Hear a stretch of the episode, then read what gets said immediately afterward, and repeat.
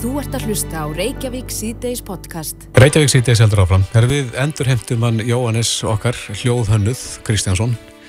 Eh, hann var að koma frá færi. Mm, indislegu staður. Indislegu staður og indislegst fólk sem það þar býr. Mm -hmm. En eh, umræðan einhvern veginn þegar maður, maður hittir Íslandingar sem er að koma frá færiðum, þá leitar umræðan yfirleitt alltaf í jarðgöng. Já. En þeir eru færið einhver sérfræðingar í jarðgöngum. Einmitt það, ég veist það nú reyndar ekki fyrir bara í dag. Já, ég held ég að við heirt fyrir ettum daginn það sem voru að, að tengja eigu það sem búa 8 manns með jarðgöngum. Já. Þannig að það þarf ekki mikið til. En hann sagðist líka að farið í jarðgöng með ringtorki, þannig að það er ringtork næst í göngunum og svo bara getur vanlega allir í þess eigu eða allir í næstu eigu. Hættu nú alveg. Þannig að þeir kunna þetta færinganir. Þeir kunna þetta svo sannarlega. En uh, það kemur alltaf upp uh, umræð annarslægið um jarðgöng til Vestmanægja. Mm. Hópur fólk sem að hefði viljað klára þá vinnu, þar að segja að kanna möguleikan á jarðgöngum mm -hmm. í mhm. staðin fyrir ferjusyklingum. Íris Róbersdóttir, bæjarstjóri í Vestmanægjum, er á línunni. Kom til sæl. Sæl. Já, þessi hópur, hann, hann lifir alltaf góðu lífið það ekki? Það er þessi hópur þeirra sem vilja jarðgöng til eiga? Jú, og í sjálfum sér er það ekkert skrítið vegna þess að það var í rauninni aldrei klárað hvort að það væri framkvæmalegt að uh, gera jærgönd til eiga á þessum tíma þegar var ákveð að fara í landeigöfn. Nei, af hverju varð landeigöfn ofan og mannstu það? Já, mér skildist þannig á þessum tíma það var verkvæðistofa sem var fenginn til að taka þetta út og menn vildu meina það, menn og konur á þeim tíma að kostnaðurinn væri bara ofur mikill. Mm. En, en jargöng, gætu þau ekki borgað sig upp bara á, á einhverju tímabili? Jú, líka bara þetta er 2006-07, það var nú ímislegt gert síðan þá og eins og þú veist að tala um aðan Kristoffer með ringtorki í færi mm -hmm. og færingar eru náttúrulega gríðarlega stór huga. Þarf ekki bara að fá færingar til þess að klára verkið þér? Jú, það væri frábært en þetta hefur svona eitthvað með berglög og eitthvað líka að gera en, en færingar eru náttúrulega þessi, þetta eru austriðagöngin minnum sem eru með þessu ringtorki en þeir eru núna að græja göng sem eru, þeir kalla söðurjagöngin og ætla að opna 2030 mm -hmm. og þeir eru millir 25 og 26 kílometrar sko. Já, hugsaður. Í, í tvennu lægir endar koma við og einni eigi. Mm -hmm. Þannig að þeir við getum öruglega læst gríðilega mikið af færingum en það sem ég held að sé mikilvægt og eins og kom fram í náðan er að við þurfum náttúrulega að klára þetta. Við þurfum að aðtöða hvort að þetta sé framkomalegt og líka það hvort þetta sé hreinlega bara ekki fjárháslega hagkvæmt fyrir Ísland og okkur náttúrulega sem búum hér í eigum að, að koma þessum göngum á ef þau eru framkvæmlega. Er heima í að gósið er það að tröflasóldi er þá ofalíð huga fólks þegar að fyrir að hugsa um göng, kannski jarðhræringar og eitthvað slíkt? Ég hugsa að það sé alltaf bæði í huga fólks og í huga bara þeirra vísindamanna sem að er að fjalla um þetta og ég hef einst bæði jarðhræringar segið þetta sé alls ekki hægt og aðra jarðfræðingar sem segja að þetta væri mögulegt mm. en meðan þeirri spurningar ekki svarað hvort að það sé framkvæmalegt að fara með göngmiðli lands og eiga þá verður þetta alltaf í umræðinu mm. og auðvitað finnst mér óabyrt áður við tökum næstu skref í samgöngum við eigar sem eru bætur á landegahöfn og fara að huga svo að næstu ferju að því svona líftíma hverju ferju er kannski 15 ár pluss mínus. Mm -hmm. og við hefum haft síðust í 27 ár sem var nú svolítið langu tími að það þarf auðvitað að svara þessari spurningu. Mm. er hægt að fara í ergung til eiga og hvað kostaðu þessi göng sem að ég nefndi áðan söður eða göngin í færiðum þessi sem hefur 26 km það er áætlað í þessum tölum sem ég fann að þau kosti í kringum 70 miljardar en það eru þetta ekki sömu jarlug og við getum, þú veist, það er óabyrt að maður er bara leikmaður að ræði þetta mm. en það þarf að svara þessari spurningu mm -hmm. Hvað er þau svona göng löng millir lands og eiga? Það eru talað um cirka 18 kilometrar Já, þannig að þetta hvað hva færingar er að taka sér 8 ár núna að gera þessi 25 kilometra jærgöng eða hvað? Já, Já sem eru tvískipt reyndar, þau eru 7,5 og 17 en við eigum alveg við þurfum núna bara fljótlega að svara þessari spurningu, er þetta hægt og er þetta fjárháslega hagkvæm? Er þetta vestmanningum hugleikið, þessu umræða? Já, mm. það kemur alltaf upp og yfirleitt alltaf í tengslu við kostningar, þá eru ráðamenn eh, látni svara því hvort að þeir séu á því að þurfa að klára þessar rannsóknir mm -hmm. og nánast allir segja já. Af því ég held við þurfum alltaf að vita svarið, annarkort er þetta hægt eða þetta er ekki hægt. Mm -hmm. Og þá er það bara að slá þá út á borðin ef þetta er ekki hægt. En ef E- þetta er hægt, Já. þá fyrir við alltaf að hafa það í huga hvort þetta sé hagkvæmari kostur en að vera með höfn og ferju. Þetta myndi gjör breyta samgöngum eigamanna. Þetta myndi bara breyta öllu. Við hefum þá veg sem við höfum ekki í dag. Alltaf opinn. Alltaf opinn en brottfluttir margir, þeim finnist meira sjármennandi að hafa þetta áfram sem eigu. Þannig það er svona, þú veist það eru kostur og gallar en ég fyrir mína parta finnst gríðarlega mikilvægt að þetta sé klára, að þessum spurningum sé svarað, að það sé ekki bara einhverju sem hafa þetta og, hitt álitið á þessu, heldur að það bara liggi fyrir, er þetta hægt, hvað kostar þetta, borgar þetta sig, það þarf að svara þessum spurningum og ég held að við séum alltaf með þetta bak við eirað eigamenn á meðan það er ekki búið að svara þessu. Er þið öryggi eigamanna betur tryggt með göngum? Já, öruglega ef að það er örugt að gera þau. Þá getum við náttúrulega auðvitað farið ef eitthvað kemur í gegnum, þú veist, á bílunum okkar og kert í burtu ef að það er leiðin sem er opinn en í dag þurfum við að treysta það að komast annarkort með skipið eða flugvill. En þið álíktuðu um þetta núna fyrir síðustu kostningar það ekki að, að þetta verði klárað. Jú, bæjarstjórn álíktaði um þetta núna þessu ári og skoruðum á uh, ráðunitið og umhverfis og samgöngun enda að uh, gera ráð fyrir fjármagn nýta þannig væri þetta að klára þetta. Þetta kostar einhverju 20 miljónur að klára þetta sko. En inn í stóru hýpinu um kostnum við framtíða samgöngur er það ekki mikið. Mm. Hvenær En serðu fyrir þér að, að niðurstað geti legið fyrir ef að það verður ráðist í þetta sem fyrst? Við, eh, sko þetta tekur örgla, minnst að kosti árið að tvö, segi ég bara skot út í bláin, en það þarf að byrja á þessu. Já. Og það fyrsta er að það þarf að setja í þetta fjármagn og ráðferðar sem að við vitum nú ekki hvort verður áfram Sigurður Ingi, hann var bara mjög jákvæður í að fara í þetta Mm. og ég vona bara því verður þá fyrst eftir inn í ráðunitinu þó að formulega ákvörðin líka ekki fyrir. Þannig að þú vonar að um leið og ný ríkistjórnar myndu að það sé hægt að setja þetta í einhvers konar forgang. Já, allavega í farveg. Ég segi kannski kannski ómikið að segja þetta er forgangsverkefni ríkistjórnarinnar en að þetta færi í farveg Mm þannig að við getum svarað þessum spurningum til þess að við getum hugsað samgöngum við Vestmannegar inn í framtíðinu. Já, Íris Róbersdóttir, bæjarstjóri Vestmanæja. Kæra þakki fyrir þetta og bestu hverjur út í eigar. Herru, takk fyrir spjallið. Þú ert að hlusta á Reykjavík C-Days podcast.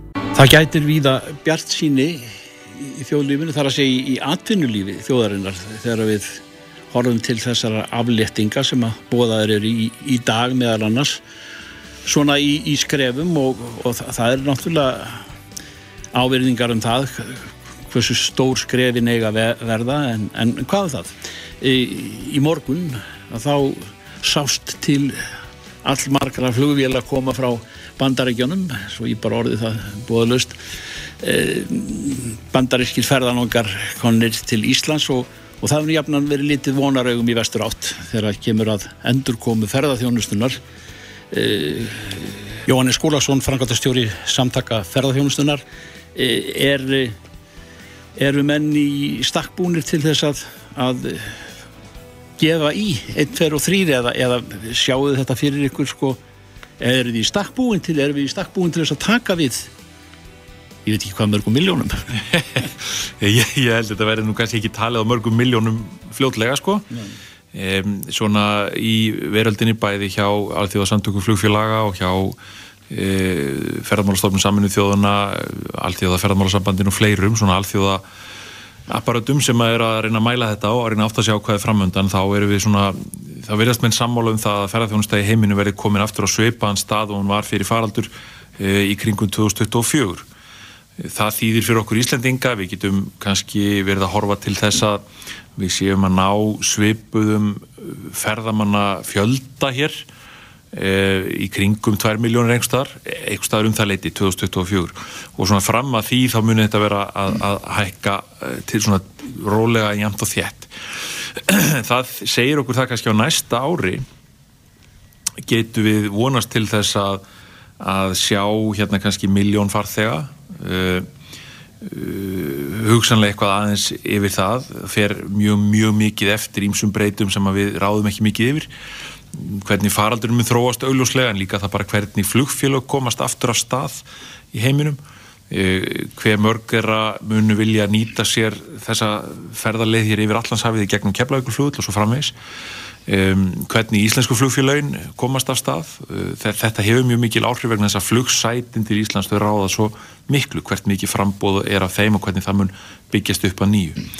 Við sjáum þetta eins og þú segir í morgun að það eru tölvert af vélum að koma frá bandaríkjónum nú er eh, búið að tilkynna það það verðið opnað á það að, eh, ferðarmenn getur komið inn til bandaríkjana aftur núna í nógumber komið dagsending á það þannig að það er mjög jákvægt sérstaklega fyrir þá íslensku flugfélagin Æslandi er náttúrulega sérstaklega sem hefur byggt sitt leiðakerfi algjörlega á þessu uh, hub and spoke systemi eins og það er kallað þar að segja nota keflaugu flugöld sem svona miðstöð svona skiptistöð eh, eins og segjum á og það þýðir það að, að eh, Æslandi er og þá önnur flugfélag sem nota uh, völlin eða higgjast nota völlin eins og Play og, og fleiri erlend flugfélag líka higgjast nota flugullin í þessum tilgang geta þá farið að leggja það upp þetta skiptir mjög miklu máli fyrir business modeli þjá þeim mm. og skiptir þessuna mjög miklu máli fyrir ferðarþjónust á Íslandi í heilsinni mm.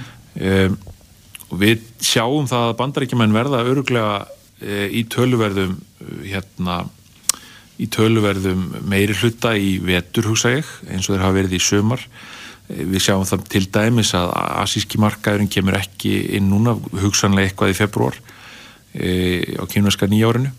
Við sjáum að breytar, þeir verða heldur færri í, í ár heldur en venjulega á veturna sem er erfitt, því að þeir hafa verið mjög mikilvægur hópur. E, stóra berska ferðarskriðstofur sem hafa verið hér stórar á veturna eru kannski ekki byrjað fljúan fyrir setni hluta vetarar eða um jólinn skólahópanir verða veintilega ekki jafnstóri hér í rauninni komast þeir ekki til Íslands núna. Eh, vonandi komast þeir til okkar núna tíanbili februar til mars eh, vegna reglunana og, og, og, en þá búast við að þeir verði kannski ekki alveg margir og venjulega. Þannig að það er ímestlegt svona sem hefur áhrif á þetta til að draga þetta niður. Þannig að þetta verður flókin og erfiður vetur fyrir mjög marga í, í þessum bransa. Eh, Þegar að yfir laug getur við sagt þegar COVID reyði yfir að þá, þá gáu menn náttúrulega ég segir gáu ekki bandina heldur, heldur svona, það var allt ski, í skyndistoppi. Uh, og, og mann hefur gefið stráðrum til þess að, að horfa yfir farin veg og, og, og þá kvartaði yfir því vegna þess hver fjölgunin var skjót og Ísland var orðið mjög fjölfarin ferðamannastæður á nattræna vísu, getur við sagt og, en e, þá, þá segja menn sko og sögðu hér e, innviðnir okkar eru handónýtir e, þegar þetta fer að tala í miljónum mm. horfir þetta öðruvísi við núna í þessum, þessum viðsnúningi sem virðist vera að koma nú? Eða sitjum við í sömu spórum Nei, þetta hörfi nefnilega tölvört öðruvísi við.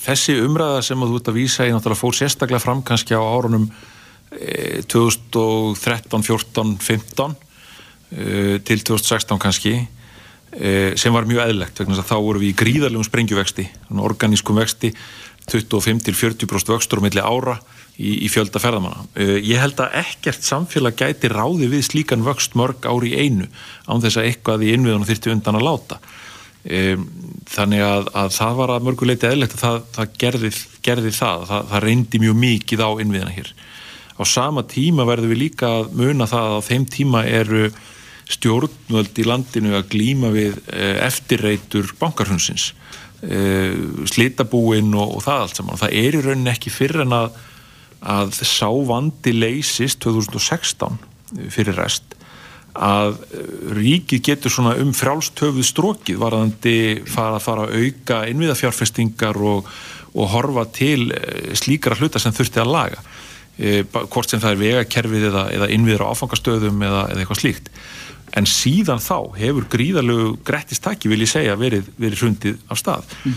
við er búið að setja upp til dæmis frangvæðarsjóð ferðamannastaða sem hefur útlutað til enga, enga aðila við erum með landsáallunum uppbyggingu innviða sem er útlutað til ofinbæra aðila um, og hvort tveggja byggir þetta upp áfangastæði e, við erum með mikið, mikla fjárfestingu sem hefur verið lögð í ímiskona samgöngumannverki og, og og áallad framundan eh, þú sumir segja að það hefur þurft að vera meira þannig að það er mjög margt sem að hefur ávinnist og staðan í dag varðandi innviða uppbygginguna er rauninni allt önnur en hún var og betri heldur en hún var e, til dæmis 2015 þegar þessi umræða til dæmis um, um salernismál og, og, og stígagerð og, og ágang á náttúrústöðum var í miklum hámæli. Þetta, þetta er, hefur tekið stakkaskiptum, vil ég segja, síðan þá. Jónis Kristjánsson, það, það er gott að heyra. Það, það er eh, varfærin bjart sín í gangi náttúrulega, menn eru brendi náttúrulega og litríkri vegferð ferðarþjónustunar í, í, í heiminum, en en eh, svona á þess að svari verði langt eh, lofslagsmálir á dagskrá hvernig horfir það við okkur? Hvernig, hvernig passa þau inn í, í það minnstur sem við blasir? Lofslagsmálið náttúrulega umlikið náttúrulega allt og ferðarþjónustan fer ekki varlut af því eins og öðru. Það hefur mikið verið hort á, á flugið en, eh, og, og það, jú vissulega þarf að taka þar nokkuð til, það er verið að horfa til til dæmis rafdrifins innanlandsflugs. Eh, fólk er að, að horfa til þess sem neytendur að fara í færri en, en lengri ferðir og þetta er ímislegt sem að getur verið bara mjög svona áhugaverð þróun í, inn í framtíðina. En við verðum líka að horfa til þess að á endanum er ferðarþjónusta e, um 5% eða svona e, transport í ferðarþjónustu þá bæði flög og, og bílar og rútur og annað slikt sem fólk er að nota elsneiti er um það byrjum 5% af, af heldar útblæstir í veraldarinnar. Þannig að það eru líka kannski einhverju aðrir þættir sem að eru tölvört mikið stærri sem að þarf að leysa þó að við kannski sem neytendur horfum ofta á akkurat eins og flug og ferðir sem að við erum sjálf að, að horfa á og, og það er að sjálfsögðu eitthvað sem við þurfum að, að gera, horfa til til dæmis kólöfnisjöfnunar og hvernig við ætlum að, að hefða okkur, fyrirtækin þá einnig sínmein að vinna úr því hvernig þau geta sem best minka sitt kólöfnisfótspor og það eru þau að gera. Jóhannes Skúlason, frangvæntastjóri ferðarþjónustunar gangingu vel og okkur. Takk fyrir. Þetta er Reykjavík C-Days podcast Reykjavík C-Days það er nú svolítið rætt um núna og sumirotnis pínus meikir þegar að talað um vöruskort. Mm -hmm. þegar að mest annar tími vestlun er framöndan Jólavertíð Svo náttúrulega líka alls konar útsöldagur svartur förstu dagur og Já. dagur einhleipra það er spurning hvort það verður eitthvað eftir. Já, en hvað segir Veslunin er, er þetta raunveruleg ógn að hér verði vöruskortur e, fyrir þessa tíð? Andris Magnússon, framkvæmtastjóri samtaka Veslunar og þjónustjóri á línni komðu sæl. Sjálfur þið? Já, vöruskortur, er þetta raunin? Það er alls ekki hægt að tala um vöruskort og við leggjum áherslu að það er ekki, það er ekki þannig sem að hérna, við sjáum mál þróast núna næstu vikum. En það er hins vegar þannig og eins og margóftu komið fram eh, hérna, heimsfaraldurinn hefur haft í förmi sér verulega röskun á framleiðslu kerfi heimsins mm -hmm. og það náttúrulega kemur niður á og hefur meðalast þær afleiðingar að afhendingatími og afhendingatíðni á uh, margvíslegum vörum hefur reyðlast. Þetta hefur séð víða uh, mörgum hérna á undanfjörðum mánuðum á í mörgum hérna vöruflokkum, húsgögnum, bílum, uh, ráttækjum og svo framvegis. Í það eru jú alveg dæmum það að menn eru kvinir fyrir uh, þessum tíma sem framöndan er sem er náttúrulega eins og allir vita lang mikilvægast tímin fyrir fyrirtækiveslun mm -hmm. uh, uh, en ég menna við, við getum bara sagt við getum ekki annað en vonað það besta Ég myndi að enn á næsta ári bara strax eftir jól mun þá verða þrengra í búi? Já, ég veit ekki hvort að það er nú rétt að orða þannig að það verður þrengri búi en það er náttúrulega að maður bara horfir á þetta svona í stóru myndinni mm. þá erum við ennþá í þeirri stöðu að, eins og ég segi, framkvæmstukerfi heimsins er ennþá uh, ekki búin að jafna sig á heimsfaraldrinum sem hefur í förmið sér að uh, sko vörur er ekki að berast uh, á þeim tíma sem að menn geta reiknað með Uh, afhendingatímin er lengri. Uh, það eru uh, mörg dæmi og of mörg dæmi það hefur svona ákveðni íhlutir í vöru, það er með tallið bíla mm -hmm. síu, hérna þessi skortur og þeim, allt þetta svona, þessi keðjuverkun sem maður þarf til að búa til eitt hlut hverju nafni sem hann nefnist það er ótal íhlutir sem þarf í, í tölvur, í bíla, í, í skápa og hvað þetta heitir það er uh, þetta sem menn eru að sjá að uh, sko gangi ekki alveg upp. En við heyrum líka af því að fólk sé farið að hamstra hluti. Mm -hmm. Þetta er, þetta er eitthvað sem að, sem að þá fólk tengir við skort Já, já, ég ætla nú bara að rifja það upp í því að spyrja svona, sko, það var mikið fár hérna upp af við COVID að það verði klósitpappislaust í, í landinu. Jú, jú. og hérna ég, ég man það að ég, ég tók þátt í einu fyrsta bladamæður hundið þrjá ekki síst, þar sem þetta bara er mitt að góma og þá þurfti ég að stegi fram og róaði landan með því að segja að það var ekkert sem benti til þess að það erði skortur á klósitpappir svo langt sem séðverði og þá andaðin og landin eh, léttar eftir það held ég. og hæðist á sölu. Og, og hæðist á sölu. Þannig að þetta er, ég með þetta er náttúrulega bara uh, eðli mann syns að þegar eitthvað svona er í gangi þá byrja fólk að hamstra og, uh, en, og kannski bara þannig laga eðlilegt en ég, við leggjum bara áherslu að það er engin ástæð til að ætla að það veri vöru skortur. Nei. En það verður kannski ekki sama frambóð af vöru og kannski við eigum að venjast svona venjulega kringustöð. En getur það haft í för með sér herra verð? Já, menn þetta er náttúrulega bara eins og margumstjórn komið fram og ekki síst núna síðustu daga að við erum bara að horfa á fordamalösa stöðu, allar, allt kráefni, hvort sem það til matverðarframislu er að almenna innæðarframislu hefur hækkað á heimsmarkaði um 20%. Við erum að bara sjá uh, framann í, í hérna tölur sem að uh, heiminn hefur bara aldrei séð, allavega ekki fyrir utan strístíma. Og sama á við um fluttningskostnað. Fluttningskostnaðar millir heimsálfa hefur markfaldast. Þetta náttúrulega bara hefur þessi áhrif sem að allir vita hver eru og það er þannig þessum hefur komið fram bara síðatti viðtali við uh, fullur á Sæðlabankastnunum helgina að þá eru að leggja áherslu á það að það sé ekki einungis húsnæðisliður sem dregur sem að hérna, skapar verðbólguþrýstingin sem við erum að glíma núna heldur þar sem viðkvöldum þessi innflutta verðbólga, þessi, þessi verðbólguþrýstingu sem kemur utan frá sem, af þeim ástæði sem ég er að lýsa. Er þetta að fara að stila sig strax í herra vöruverði núna Já, og þetta þegar? er bara, já, ég menn þetta er náttúrulega bara þannig að það tekur tíma, það tekur tíma uh, frá því að uh, kveitið er, uh, hérna, skorið á akrinum, þá er þetta orðið að, að matvöru. Mm. Þetta er ákveðin hérna, framlöslu ferli, þannig að þetta skila sér, þetta tekur tíma að skila sér alla leið í virðiskeiðinni Mm. og eins og lang flesti greiningar aðeins að segja núna, ástandi á eftir að versna á þenn að fara að batna. Jú, jú, það er víst. Þannig að og það, þá erum við líka að tala um þetta að það er þessi verðbólgu þrýstingur. Þetta er stóra áhugjefnið fyrir alla núna akkurat Mm. og ekki síst fyrir vantarlega stjórnvöld. Hvernig við eigum að, að, að hérna, ná böndum á þetta því þetta er, þetta er versti óvinur heimilan í landinu. Það er fá á verðbólguna uh, hérna upp á, upp á upp fyrir 5% sem við viljum alls ekki en það sem er náttúrulega merkjanlegt í þessu sambandi öllu við eigum því að venjast Íslendingar að vera með miklu herra verðbólgustig en samanbyrða þjóðunar Mm. nú erum við bara þeirri skrýtni stöðu að það er hærri verðbólgi bandaríkjunum að við að litlu minni verðbólgi Þískalandi, landi stöðuleikars og svo framvegis. Þannig að þetta er alveg nýsta og það er nákvæmlega uh, ástæðanir eru alltaf þessar sömu. Það er þessi fordæmalös og óeðla staða sem er á öllum hráurmörkaðum um, um, um, hérna, uh, hverju nafnisæði nefnast sem hafa þessi áhrif. Mm. En hvernig er þá hljóðið í fyrirtækjum innan þinna samtaka?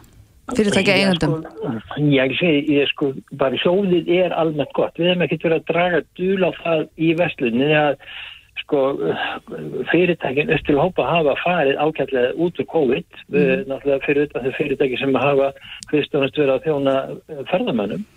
Eh, Íslendingar hægt að ferðast, það er sterkur kaupmáttur og, og hérna uh, svo neysla fór að stó, hefur að stóru hluta farið fram hér heima. Þannig heilt yfir uh, sko, hefur þetta bara verið ágættis tíð í verslun á Íslandi. Já, þannig megið alveg við smá, uh, smá niðursveiflu, eða hvað? Já, það er, þið segðu til, sko, næstu tveir mánuður eru líkil mánuður í verslun á Íslandi. Mm fyrirtækin, stór hluti fyrirtækina eru kannski með 80% af tekjunum næstu tveimum mánuðin.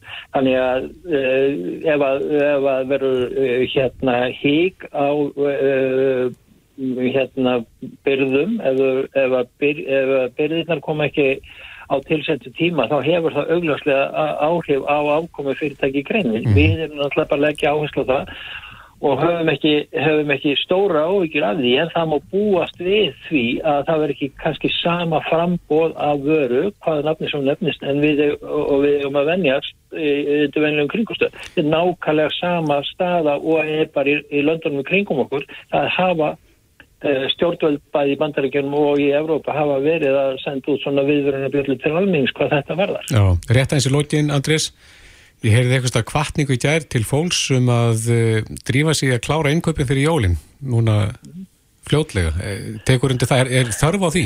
Nei, ég menna, bara alls ekki, bara alls ekki. Ég held að fólk er bara að draga andan djúft og þetta verður allt í lagi. Ég bara get lofa eitthvað því. Já, við, við, við treystum á þig. Andris Magnússon, frangöldastjóri samtaka Vestlunar og Þjónustu, takk helga fyrir. Takk sem leðis. Reykjavík síðdeis á Bilginni podcast. Reykjavík síðdeis. Málefni Mílu hafa verið mjög ábyrgandi í fréttum núna í dag og í gær. En síminn er í viðræðan við Erlend aðelum sölu á eignum Mílu og þar með tali þá öllum þeim þráðum sem að liggja í jörðu. Og þetta þykir ekkert lítið mál þar sem að eignir Mílu flokka sem innviðir þjóðarinnar. Á línunni er Sigur Ingi Jóhansson, samgöngur áþara sem fer með málefni fjarskipta í, í landinu. Uh, eh, Seltsigurður Já, Selir Já, Salan á Mílu uh, hún telst vera flokkast undir þjóðaröryggi. Uh, þú hefur látið hafað eftir þér að, að Sala á Mílu sé í lægi ef að ákveðin skilir þeir eru uppfyllt. Hva, hvaða skilir þeir eru það? Já, við erum sem sagt vita það núna í nokkuð tíma að, að, að síminn eigandi Mílu hafi verið með þetta skoðunar að selja selja mílu, allir ekki halda ár. Mm -hmm. og sama tíma hafa upplifað að annur fjarskipta fyrirtækja að vera að selja þess að óverku innviði sína. Bæði, bæði hérna Nova og, og sín mm -hmm. Vodafone. Og hérna og við tókum það til skoðunar í stjórnkerfinu og mátum það að það hérna væri ekki meiri hattar ingripp í svona innviðastruktúrin sem mikilvægir innviðir. Svo sala en eftir um móti þegar kemur að mílu að þá uh, verið með til skoðunar núna í nokkuð tíma og, og hefur metið það svo að það sem að þeir eru það umfangsmiklir og, og, og já, bara mikilvægir að þeir eru verið metnið sem mikilvægir innviðir og þess vegna hefur meðal annars ekki sá fjallað um þessar sölur allar mm -hmm. og metið sem svo eins og gert hefur verið í öðru löndum að að það þurfi þá að liggja fyrir svör við svona ákveðnum spurningum um, um eignarhaldið, um loksaguna og, og staðsetningu og svona ákveðna hluti sem við erum þá að fara yfir uh, í þessari vinnu. Já, þú talar um staðsetningu, hvað, hvað áttu við með því? Já, hvort þið séu á Íslandi, þetta var þá útýrsingu verkefna. Mm í svokvættu skí og svoleiðis og þá hvort að eftirlýtsaðalar hafi nægar heimildir til þess að fylgja þeim eftir og fylgjast með, hvort að sé nægileg upplýsingagjöf og slíki hlutir.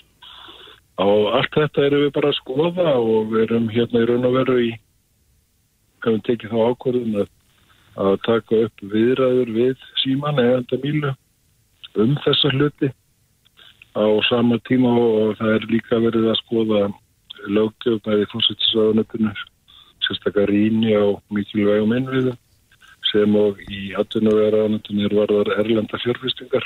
Þarf að breyta lögum, segur Ringi, ef að af sölun á að verða? Nei, það, nei, það þarf ekki. Við erum bara semst að fara yfir þetta eins og annur til dæmis Norðurland það verið að gera bara á liðnum árum og reynda í þessu töluð orðum. Því að þetta er, eru svona hlutir sem er að gerast bara í, í öllu heiminum og og lög, lönd og löggefin í þeim löndum er þá að yfirfara sínar, sínar hérna, laga heimildir og, og stöðu og það er bara nákvæmlega sama að við erum að greiða. Hvað fylgir í pakkanum? Er þetta allir strengjur og þræðir mílu sem að liggja hérna í jörðu víkt á breyttum landið? Já, nú er mér svo sem ekki alveg kunnult um nákvæmlega um það. Þetta er sem sagt bara ferli sem er í gangi og hvergi, hvergi það er búið. Það er bara búið að segja frá að að það sé til skoðunar og, og samtals við, við erlendan aðala og það var tilkynning uh, Símans eða Mílu í, í gær til kaupallarinnar. Uh, við erum hins vegar fyrst og fremst að skoða hérna hlutina út frá, frá mikilvægi innviða fyrir hönd ríkisins, fyrir hönd almennings, þjóðarörgis sjónar með þar og meðal Mhm. og það er okkar verkefni en, en hérna, þarna er þó bara söluferðli á milli tvekja enga aðla í raun og verið í gangi. Já, en þegar það kemur að þjóðar örygginu, hvað, hvaða skilir þar að uppfylla þar? Já, það, þá hafa menn verið að skoða aftur mikilvægi svona ákveðna innviða sem að sem að, að mann telja að sé mikilvægt að sé með tilteknum hætti hvort sem er í uh, uh, staðsettir í lagsögu á Íslandi og fullveldisrétt eða uh, eins og hefur komið fram áður að, að séu innviðir sem að að við ráðum þá yfir eða getum greipið inn í samkvæmt nú gildandi lögum í almannavörnum Mm og aðrið slíki þettir sem að við verðum bara að skoða. En það eru skipta skoðunar á því hvort að svona innviðir eins og þannig erum að ræða í að vera í eigu erlendra aðila e, skiptir máli hverjir þessir erlendu aðilar eru? E, eru gerðar eitthvað kröfur um það? Það er hluti af þessu, þessu rýni og, og til að mynda lögjöf á Norrlöndum hefur tekið miðað, sérstaklega í þeim löndum sem eru innan Európusambandsins. Það er Það er nýleg lögjöf um, um slíka hluti sem, sem að til að mynda Danir hafa fyllt eftir í, í, í sínu regluverki. Hvað, hvað segir það regluverk? Já, það er þá um, um vestræn fyrirtæki. Skiptir það máli hvort að þetta sé innan eða utan Európa sambandsins eða? Já, þar, þar hafa mennlegt áherslu á það. Í, En- þeirra, í þeirra lögjöf, við erum auðvitað ekki þar. Við erum kannski verið að horfa þá meira til, eh, til Norex uh, sem er líka með nýlega lögjöf á þessu sviði. Svíjar eru að setja sér slíka lögjöf og finnar einnig nýlega búnir og síðan er staðrindið svo að, að í þessum landum eru, eru þessi fjarskipta innveðir uh, hafa þeir þrúast með ólíkum hætti en þar hefur einmitt átt sér sala, uh, kaup og sala á þessum innviðum Mhm. bara á liðnum árum. en hvar lítja landamærin? Hvaða, hvaða lönd var ekki æstileg sem eigendur eða... Þetta er bara hluti af þeirri vinnu sem við erum með í gangi og ég get svo ekki upplýst um það en ekki sérstaklega frekkar að þetta er hluti af því samtali sem við eigum bara við, við síman annars vegar og svo hins vegar hér í samráðshópi hér stjórnvalda.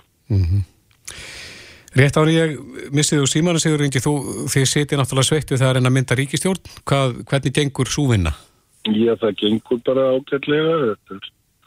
Eins og við höfum sagt, þá skiptir máli að vanda til verka þegar við erum að horfa fjögur ár fram í tíman og, og þá getum við annars verið byggt á, á því samstæði sem við höfum átt í fjögur ár en líka það er að koma ný fjögur ár með nýjum áskorunum og þó þessi sömu flokkar að þá eru sömu mál sem við höfum ekki leitt til lykta á fjórum árum og þurfum bara að gefa okkur tíma til þess. Eru þið að því að, að leysa þau mál núna í þessum viðræðum ykkar? Já. Hva, hvaða mál eru það helst? Já, það er svo sem eh, engin launung á því að við höfum verið, við náðum ekki að klára fyrir fjórum árum uh, ramma áallun og svona þessi tækifæri sem að felast í, í hérna frekari orkuöfling en núna hrópa þær áskorunir á okkur í, í lausnum á loslasvendanum Mm -hmm. þú, þú ert þá að tala um auknar virkjanir. meðlunas og, og, og þar leiðandi þurfum við að hafa sammelega sín um það að geta nýtt þau tækifæri sem að þar blasa við meðal annars í framherslu og, og hérna rafeldsneiti sem að mun vendarlega taka við af olíu og bensinni líka á Íslandi og Er það ná saman í, í þessu máli? já, ég vona því og því lengur sem við sittum við því líklega er náum saman í öllum málum Og hvena megu búast við því að þið tætti þetta upp á næsta stig, þessar viðræður? Ég þór ekki að fullera það en, en við, við bara höldum áfram á, á þessum góðu nótum sem við erum með þetta samtala á. Erum við að tala um uh, daga eða vikur? Já, við verðum nú aldrei að tala um að vikur en, en, en, en hérna, ekki mánuði. Nei. Sigurður Ingi Jóhansson, samgöngu ráþurra, uh, gangi ykkur vel í, í þessum verkefnum sem að býða eitthvað framöðan. Kæra þætti fyrir spjallið. Allt er góð, semleðis. Reykjavík síðdeis á bylginni. Reykjavík síðdeis, það eru margir sem fylgjast spennti með uh, hérna, þessari þingnemnd, Já. undibúningsnemnd uh, kjörbreiðanemndar Mhm. sem er á ferð og flý og þeir voru í dag í Borganesi Já, á hótelinu þar að kynna sér aðstæður og, og svona talningamál það sem að, það sem að hundurinn líka grafin, það, það voru, var talningin kjörðaminu en e, það er þingmaður og Karl Gauti Hjaltarsson Já, hann titlaði sig á sprengisöndum helgina sem Vafa þingmann, Já. ekki Vara þingmann þetta er eitthvað besta nýjið sem að maður hefur heyrt bara rengi. einmitt, en á línunni er annar Vafa þingmaður uh, Guðmundur Gunnarsson, kom til sæl komið sælir. Já, fylgist þú með uh, ferðalagi þessara nefndar og því sem að þau vera að sýsla? Þetta ger ég það eins og, eins og allir þeir sem að hanga ennþá í þessari snöru. Ma, maður svona reynir kannski að, að, svona, að leifa þeim allavega að vinna af, af þeim heilindum og, og, og, og svona dugnaði sem að þau hérna, telja okkur trúum að þessi að gera og, maður reynir að ge- gefa þeim allavega andrými til að kynna sér gögnin. Ég held að það sé það minnsta sem maður getur gert að reyna að anda með nefinu og, gott að sjá að þau eru að, að fara við í kjördæmið. Ég, hérna, ég ánæður að sjá það og, auðvitað náttúrulega býðum maður bara eftir eftir niðurstöðu þeirra þó að, að hérna ég verð nú að segja fyrir mína parta að, að það svona að dopnar vonin og bjart sínin eftir, því- eftir svona fleiri álitskjöfum sem maður hlustar á það er nú líka með þetta mál held ég eins og margt annað að, að hérna aðdeklis spanið okkar er svo stutt að, að mér finnst svona eins og það sem svona mesta púðrið að fara úr þessu og, og álitskjöfa fara til að tala um þetta af ykkur léttu sem að náttúrulega þetta er alls ekki Nei, hva, hvað þá helst? Þetta er náttúrulega sko, það er alveg sama þó að líði nokkri dagar eða, eða vikur frá að þetta er graf alvarlegt mál. Mm og, og því meira sem að menn rýna í þetta og, og þegar við vorum í því ferli að kæra þetta, þetta er náttúrulega sko, það er ekkit eins og þetta sé ykkur minniháttar handvömm, þannig eru bara augljóslega kostningalög brotin og þetta er stór furðulega atbyrðarás frá upphafi til enda. Og ég var nú þarna sjálfur kom þarna í restina á endurtalningun og var þegar að að, hérna, að setni tölur eru lesnar upp og þetta er eitthvað það ótrúlegasta andrumsloft og kringumstæðu sem ég hef held ég bara lent í. Það var eitthvað ótrúlega undalegt í loftinu og, og svona læfi blandið og við skulum heldur ekki gleyma því að að ég öfundi ekki þess að nefnda af hlutverki sinu, ég held að það gerir það enginn að þá er, er þetta, eru, þetta er fólk í pólitík, þetta er fólk í frambóði sem að, að hérna sækir í það að vera í ábyrðastöðu og taka erfiðar ákvarðanir. Og við skulum bara ekkert vera eitthvað að, hérna, að fara eitthvað í félur með það. Þeirra býður svo ákvarðun að ef að þetta á að fara svona í gegn þá erum við að segja og þá eru þau að segja að það sé hægt nú ætlum ég að passa mig að, að hérna, tala varlega það er hægt að svindla í kostningum á Íslandi og komast upp með það ég er ekki að segja að það hafi verið gert en það er alveg ljóst að það var hægt það er hafið yfir, yfir allan að vafa Hver, ef við ætlum að vera með þá niðurstöð að, að, að, hérna, að slíkir atbyrðir og slíka atbyrður á sér stimpluð af alþingi þá er það bara miklu meira og alvarleira málheldur en við tölum um það að ykkur er létt úr í ykkurum dægurþáttum sko. hvaða niðurstöðu vilt þú fá í þetta mál? Hver væri hinn eina rétta niðurstöðu? Sko, eftir að hafa skoðað þetta í kjölinn þá eru í rauninni ekkit margir valkostir. Uh, Kæran sem að ég laði fram og, og, og sem er samhljóða annara frambjóðanda er að það verður hinnlega farið í uppkostningu. Og ég hef heyrt að, að, hérna, að menn hafi talað fyrir því að, að, að það sé svo flóki og það sé svo erfitt en ef að það er það rétta, ef að það er rétta niðurstaðan, þá þurfa þeir sem að taka það ákvörðun að sína kjark til að standa með réttlætinu en ekki einhvern veginn að fara eh, þægilegu leiðina bara því að hitt er svo flóki. Réttlæti virkar ekki þannig. En Guðmundur, ef að farið þið í þessa uppkostningu, við höfum nú fengið þessa spurningu, hver, hverjir eru þá, hverjir með að kjósa? Bara þeir sem kusu þennan dag eða er sama kjörskrá. sama kjörskrá, þannig að þeir sem að kusu ekki í kostningunum, þeir mættu þá líka kjósa? Já, þeir sem eru, með, eru á kjörskrá í kjördæminu, getur þá í rauninni tekið þátt í þeim kostningum. Já. Kostningarnir eru ekki endur tekna bara með þeim sem að kusu á kostningadaginn sjálfan? Ég held að kostningarna séu endur teknar á nákvæmlega sama hátt, bara með sömu kjörskrá og sömu frambjóðundum eins og, eins og var gert í kostningunum á sínu tíma. Mm -hmm. Svo er líka verið mjög áhugavert að, að sjá hvað kemur út úr í rauninni laurugluransókn og skilst mér að nefndin sé með eitthvað á þeim gögnum og ef við erum til dæmis að, að, að tala um að, að því að það er líkunum bara fyrir hinnlega viðurkenning á brotum og kostningalögum í, bara með ummælum í fjölmjölum ef það líkur fyrir að það hefur eftirmála hvort sem að það er með, með sektargreyslu eða einhverju slíku en allir við samt að láta þetta fara í gegn. Ef við myndum heyra af einhverju svona máli erlendis frá í öðru landi á öðru tungumáli ég, ég hugsa að, að maður er því mjög kvumsa ef að það er því ekkert gert með þetta þetta, er, þetta máli er, er rísastórt og við skulum heldur ekki gleyma því að hvaða handóru boks eru við að opna með því að ætla einhvern veginn bara að, að lofa bót og betur og gera þetta betur næst? Við erum að opna á það Pandora-bóks að hvert einasta skipti í kostningum sem að leikja fyrir niðurstöður og okkur hugnast þær ekki eða einhverjum hugnast þær ekki, hvort sem mann er nálættið ekki, þá er, er hæðarleikur að fara fram á uppkostningu eða endurtalningu sem er reyndar ekki í neginn lagastóð fyrir. Um, út í heið óandalega. Þannig að við skulum bara, við skulum hugsa, sjá það fyrir okkur hvaða afleiðingar þetta mun hafa fyrir komandi kostningar og það sem er langt mikilvægast í þessu mm er tröst kjósenda á þessu líraðslega ferli.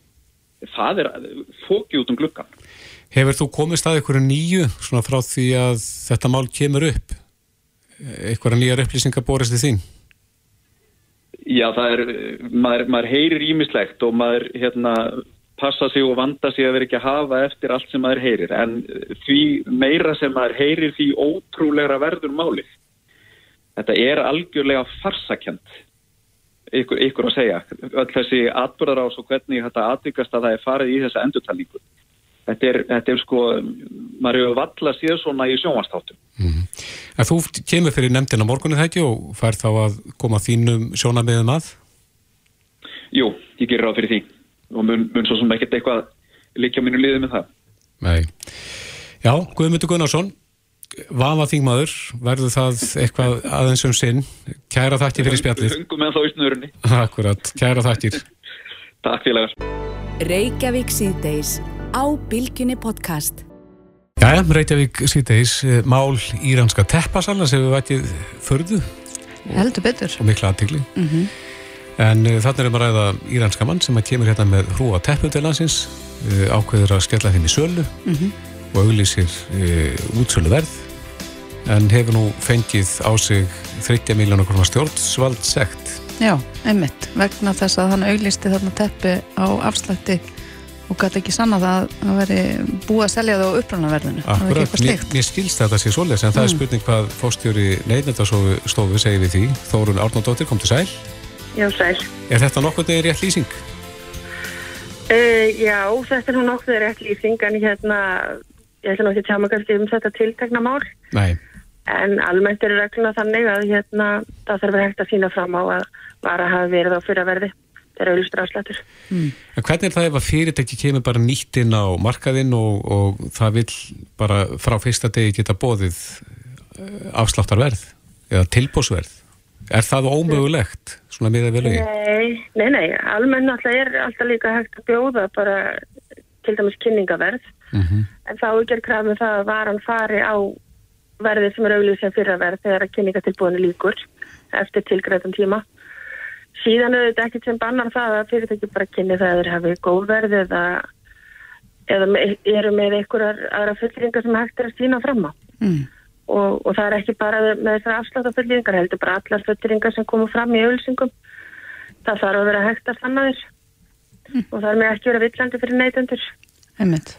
Og þá getur það bæði verið framsending og það sem er sagt í yfirlýsingum og fullringum mm. sem getur talist vera þá villandi. Það er oft, oft verið minnst á tilbósfranskarnar í, í, í, í sambandi við svona umræður að, að við gáttum kæft tilbósfranskar í búð uh, í mörg ár og kannski enn ég bara ekki á, á, með á hreinu má ég ekki byrja að selja eitthvað eins og tilbóskaffi eða tilbósteppi eða eitthvað með orðinu tilbóð í? Sko þegar við erum auðvitað tilbúið þá þarf að vera skipt á hvert tilbúið er og um hvað ræðir. Það er ekki að segja bara tilbúið og síðan er bara eitthvað eitt verð sem að vörum eru alltaf á. Já, kannski árum saman. á nákvæmlega. Og það eru skýri reglur um það að hérna útsalum ekki standa til dæmis lengur enn sex vikur. Hmm. Já, er það, er það bannað? Já, þá er talið ef að þetta er búið að standa í sex vikur og þá sé þetta nú bara venjulegt verði í sjálfum sér. Já. Hafið lendi því að fá einhverja tilkynningur um að útslunum standi lengur? Já, við höfum fengið tilkynningum um útsöluhafstæði lengur og við höfum náttúrulega fengið mjög mikið tilkynningum um að fyrir að verði ekki rétt og hérna og í þessu máli náttúrulega við bara gera nákvæmlega við hlut og við gerum í öðrum málum sem eru hér Mm á landi. Já, því var nú haldið fram í þessari frétt að þetta hef aldrei gæst áður, þetta sé hæsta sekt sem að hefur verið lögð á í svona tilfelli. Er, er það rétt? Uh, Þetta er ekki hægsta sekti neytastofur hefur lagt á, hún hefur lagt á, við hefur lagt á hæri sektir. Já. Hver er hæsta sektin sem að hefur lögð á fyrir sambærilegt mál? Uh, Nú er ekki alveg með það hvað er í sambarlegum máli en, en almennt á höfum við notað allan sektaraman okkar Sem er hver? sem er 10 miljónir. Mm. Þannig að þetta er hérna, en þetta er tildulega hásagt, það er alveg rétt. En eins og þetta til, tiltakna mál, ég veit að við meðum ekki fara ofan í kjölinn, en hvernig kemur það enn á borð til ykkar? Við fengum fjölmargar ábendingar og sáum að sjálfsögðu auðlýsingar þar sjálf Mm. um það að þarna veri nýverslun að auðlýsa tilbúið sem að væri alltaf hægt að vera selta fyrir veði. Mm. En nú eru, nú stýttist í sölumesta mánuðin í vestlunum, það, eru, það er jólamánuðurinn. Mhm. E, er fáið þið mikið um eh, mikið af kvörtunum svona inn til ykkar í kringum það tímabil? Já, við fáum mjög mikið ábendingum til okkar og ekki bara í jólin, heldur líka nú er að koma í nóvember allir þessi dagar sem eru með hérna þessum afsláttum. Mm og þá höfum við fengið ábendingar og höfum við líka farið í átak sjálf. Og svona síðustu ár þá hefur það fyrirtæki verið meðvitaður um þetta og við fáum mjög mikið almennt af ábendingum en það eru mörg fyrirtæki sem geta fynnt fram á hafi verið selda fyrir verði eða hafi verið búið á því verði. Mm. Er það þannig að flest málinn sem að þið rannsaki frekar koma úr ábendingum almennings? Eh, Það kemur mikið frá almenningi Mm. og en líka bara það sem ég segi við tökum sjálf eftir. Maður hefur reynda að sé það mikið fjallan þá á samfélagsmiðlunum að, að fyrirtækið að veslanir eru staðnar að því að, að hækka verð rétt áður að lækkar aftur Mm uh, fáið því svoleiðsmálinn til ykkar það sem að, það sem að blekkingum eru rauninni beitt varandi verðlagningu Uh, við fáum alveg svona málinn til okkar og það er nákvæmlega sambreyst með hinn málinn. Í sumum tilvikum, jú, þá hefur þetta verið raunin. Í öðrum tilvikum það kannski misminni fólki hversu langt er síðan það sá þetta læra verð og þá er kannski herra verið búið að vera í eitthvað tíma og búið að selja því. Mm. Þannig að ég segi, þetta er allir gangur á því hvernig, hvort fyrirtækin á að sanna. En ef ég er með fyrirtæki og ætla að hækka verða en ég lækka það, gildi einhver reglur þar ég að hafa vöruna á þessu herra verði í einhvern ákveðin tíma áður en ég uh, uh, gefa hann afslætti? Já, og það hafa verið raunverulega búin til sölu á þessu verði áður en það er afsláttur. í hver langan tíma Uh, Það er í rauninni bara svolítið matskjönd hversu lengi það þarf að vera og þessar reglur þar eiga náttúrulega við um alla markaðin hvort sem þetta er ykkur ódýrvara eða dýrvara. Þannig að þær þurfa að vera svolítið matskjöndar í hverju tilvíki fyrir stig En nú líkur fyrir uh, kannski á þessu, þessu ári jafnvel næsta og eitthvað fram í framtíðin að það verði hér mikill vöru skortur og hækkandi verð. Um, væntanlega samt ekki á gjörsamlega öllu sem við þurfum að kaupa. Uh, verður það ekki svolítið flókið á í framkvæmt til ykkur að fylgjast með því að það sé ekki verið að okra á neytendum? Uh, Jú, það getur alltaf verið kannski verið þá meina þessu varandi útsölur annað og til verðin hækkað mikið? Nei, ég er að meina að það er bara það er uh, hærra orkuverð og, og hærra verð á alls konar vörum. Það, og, og vöruskortur eftir COVID. Þannig að ja, alls konar nöðsina vörur sem við neytum munu hækka. Og það er náttúrulega búið fréttur um það að tómar hillur í IKEA og þar fram eftir göttunum verður ekki orðið svolítið flókið og kannski svolítið þungt í vöfum fyrir fyrir neytendastofu að fylgjast með þessu að það sé ekki verið að okra sérst að hækka verða á einhverju sem að er í rauninni ekkert búið að hækka í innköpum Sko það er í sjálfum sér ekki eitthvað sem að við kannski bengt skiptum okkur af vegna þess að verðlagning er frjáls Mm. og hérna e, mögulega ef það kæmi fram einhverja rángar fulleringar varðandi verðhækuna þá getur þurft að óska eftir upplýsingum um það. Mm. En almennt þá erum við ekki að samtir við hvernig varaði verðlög. Þórun Arnóttóttir, fórstjóri neytendastofu, við eh, vantarlega fylgjumst betur með þessu máli og hvernig þetta kemur til með að þróast. Kæra þakki fyrir spjallið. Já, takk sem leið. Þetta er Reykjavík C-Days podcast. Já, Reykjavík síðdeis. Í gerð var ansi merkilegu þáttur á stöð 2, Mhm. 60 Minutes, það sem var fjalla meðalans um það sem kallað er Deepfakes Já, djúpfölsuð myndskeið heitir það vist á íslensku fyrir þá sem vilja vita það. og ótrúlegt að sjá hvaða tæknir orðið mikil. Alveg magnað. Það er hægt að láta fólk gera ímsa hluti sem það hefur aldrei á æfinni gert Mhm. en, en, eh, og þetta er mjög, allt saman mjög raunverulegt. Algjörlega og getur blekt mann og það er hægt að nota þessa tekni bæði til góðs og íls eins og kom fram í þættinum í gær. Eh, en á línunni er Þór Mattíasson, þrónastjóri Svartagaldus. Með góðan daginn Þór. Góðan daginn. Þú veist nú sitt hvað um deepfakes. Já, ég hef nú eitthvað kynnt með deepfakes í tíman, já. Eh, hva- Hvar, hvar byrjar þessi tekni? Hver er upprunni hennar? Sko, tæknin sjálf er alveg gumul, þannig sé. Og hérna hefur verið langan tíma svo sem í þróun, en, en það sem við erum að sjá í dag er og kallast þessi deepfake, kemur frá deep learning sem er í rauninni uh, kallast það ennsku machine learning, uh, og íslensku spilað er vélná. Um, og þannig í rauninni springur þetta upp og þá sérstaklega árið 2018 Mm. um, og hérna byrja daldi þá okkur vefsíum sem að einhver eru búin að þóa í rauninni þessa tækni uh, og eru þá nótana í svona í náfengnum um, í hvað, hvað er það að segja nota í svona að skipta andliti andlitum fyrir uh, hérna Eh, Já, setja, setja andlit af frægum einstaklingum á klámyndastjórnur. Var það ekki eitthvað svoleiðis? já, já, mætti, mætti koma þegar orðið, já Já, einmitt. Já, það er mitt kom fram í 60 Minutes í gær að, að þar hefur orðið mikil svona uppsveifla þegar það kemur að kláminu, svona hefur, hefur drifið þetta svolítið áfram. Já, það hefur verið svona eitt besti að byrja með. Núna það hefur verið að nota þetta eins og hjá Hollywood og hérna á ymsa vegu uh, og náttúrulega mjög flott að sjá hvernig þetta er búið að þróast. Mm. Um, og hérna ég segi að þegar bíómyndina í dag eru eins og við sjáum í mörgum hérna uh, stóru myndum í dag þá er þetta hérna, eins og orðið mjög flott og þetta var mjög díkst tímafæktin á þeir en í dag tekur þetta mjög skiptið tíma. En menn eru fættir að nýta þetta líka þegar það kemur að kostningum og stjórnmálamenn og aðri slíkir eru látni segja hluti sem þeir hafa aldrei nokkuð tíma sagt. Um, já, það er kannski svona stóra vandamálið við allt saman að þarna, það er, reglugerir eru hér og þar og út um allt. Eh, eins og í hérna, skal ég segja, í Kaliforníu er, er bannað að nýta hérna deepfakes í pólitískum uh, tilgangi en, en síðan er alveg fylki til dæmis sem er ekki með þannig lög Mm. og, og Evrópa er náttúrulega bara á einhverjum öðrum, allt öðrum stað og þessi, það er allir einhverjum svona catch-up, er ekki ennþá komin að það stað sem að búa bannit og þetta er ennþá eins og í Ameríku undir svona, um, ég skal segja, svona freedom of expression.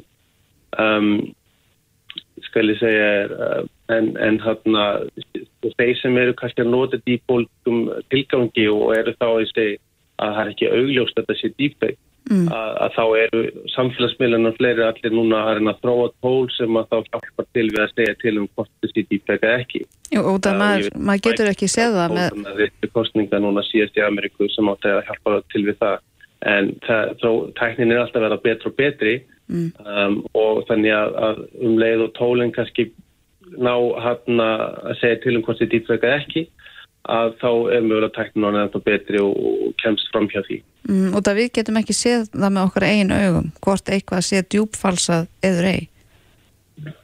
Um, jú, það er því, það, það er alveg hægt stundum, en spurningin er einhver einstaklega sem er að horfa á deepfake og veit hvað deepfake er, geti, ætti að geta að segja, já, ok, ég sé að það er eitthvað skrítið, þetta er deepfake. Og einhver sem hefur aldrei heilt um deepfake, hann geti, og hann er hún myndi alveg mögulega að trúa að þetta er eitthvað, trúa því að þetta sé hérna einstakleikurinn sem að hérna er á bakvið hérna skjáin.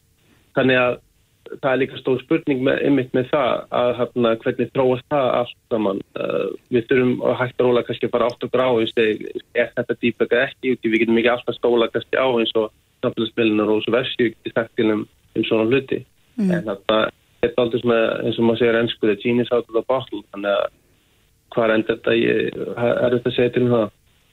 Er, er þessi tækni komin svona í fyrir sjónir almennings bara í öppum í, í símónum okkar er, er einhver forrið sem eru farin að geta gert þetta með einföldum hætti?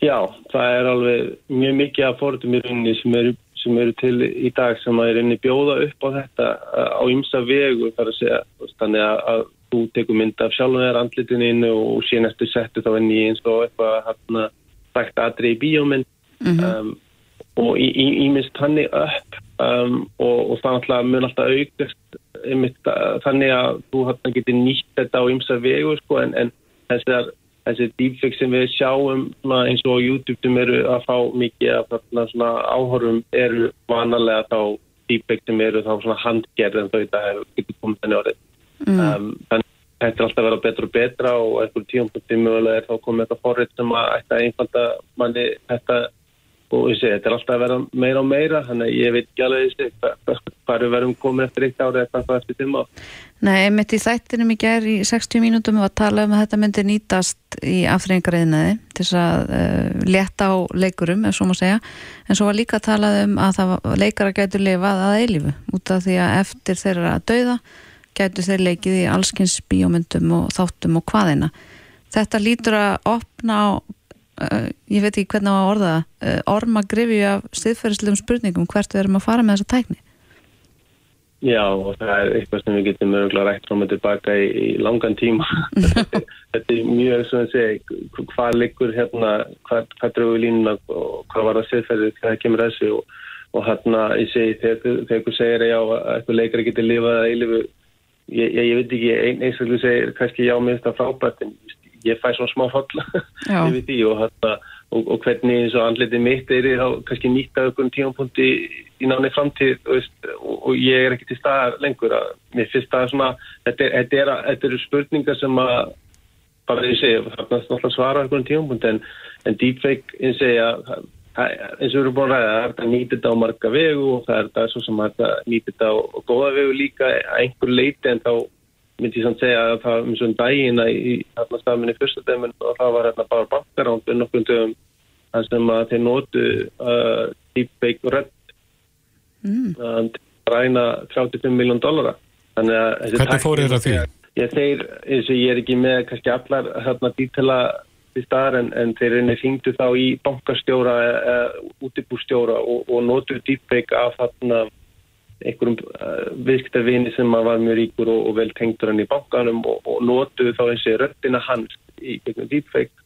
Og hann útibúrstjórin trúði þá í rauninni þetta væri hann og kom þá að setja það á stað svona millifæstur sem hann hann gaf leiði á. Þannig að þetta eins og þetta hann muni á að koma núna næstu, næstu mánum árin fleiri svona, hvað segja, segja öryggisæti til að koma upp fyrir svona hluti en, en, en hann maður veit ekki hvað þetta endur Nei, mér heyrst þú nú ekki að vera sérstaklega jákvæður með þessa þróun. Ég, allan að ég segi að það er meira slæmt heldur en gott sem getur komur en, en kannski bara að ég eftir að sjá góðu liðanar, það, það geti vel verið eftir að koma í daginn en, en eins og ég segi þetta að sé bara mjög mikið af hlutum sem getur farið úr skeiðis Ég mitt Spennandi tækni og vonandi verður hún nýtt til góðs að mestum hluta. Þór Mattíasson, þróunarstjóri hjá Svartagaldri. Kæra þakki fyrir þetta. Já, takk, takk. Hlustaðu hvena sem er á Reykjavík C-Days podcast.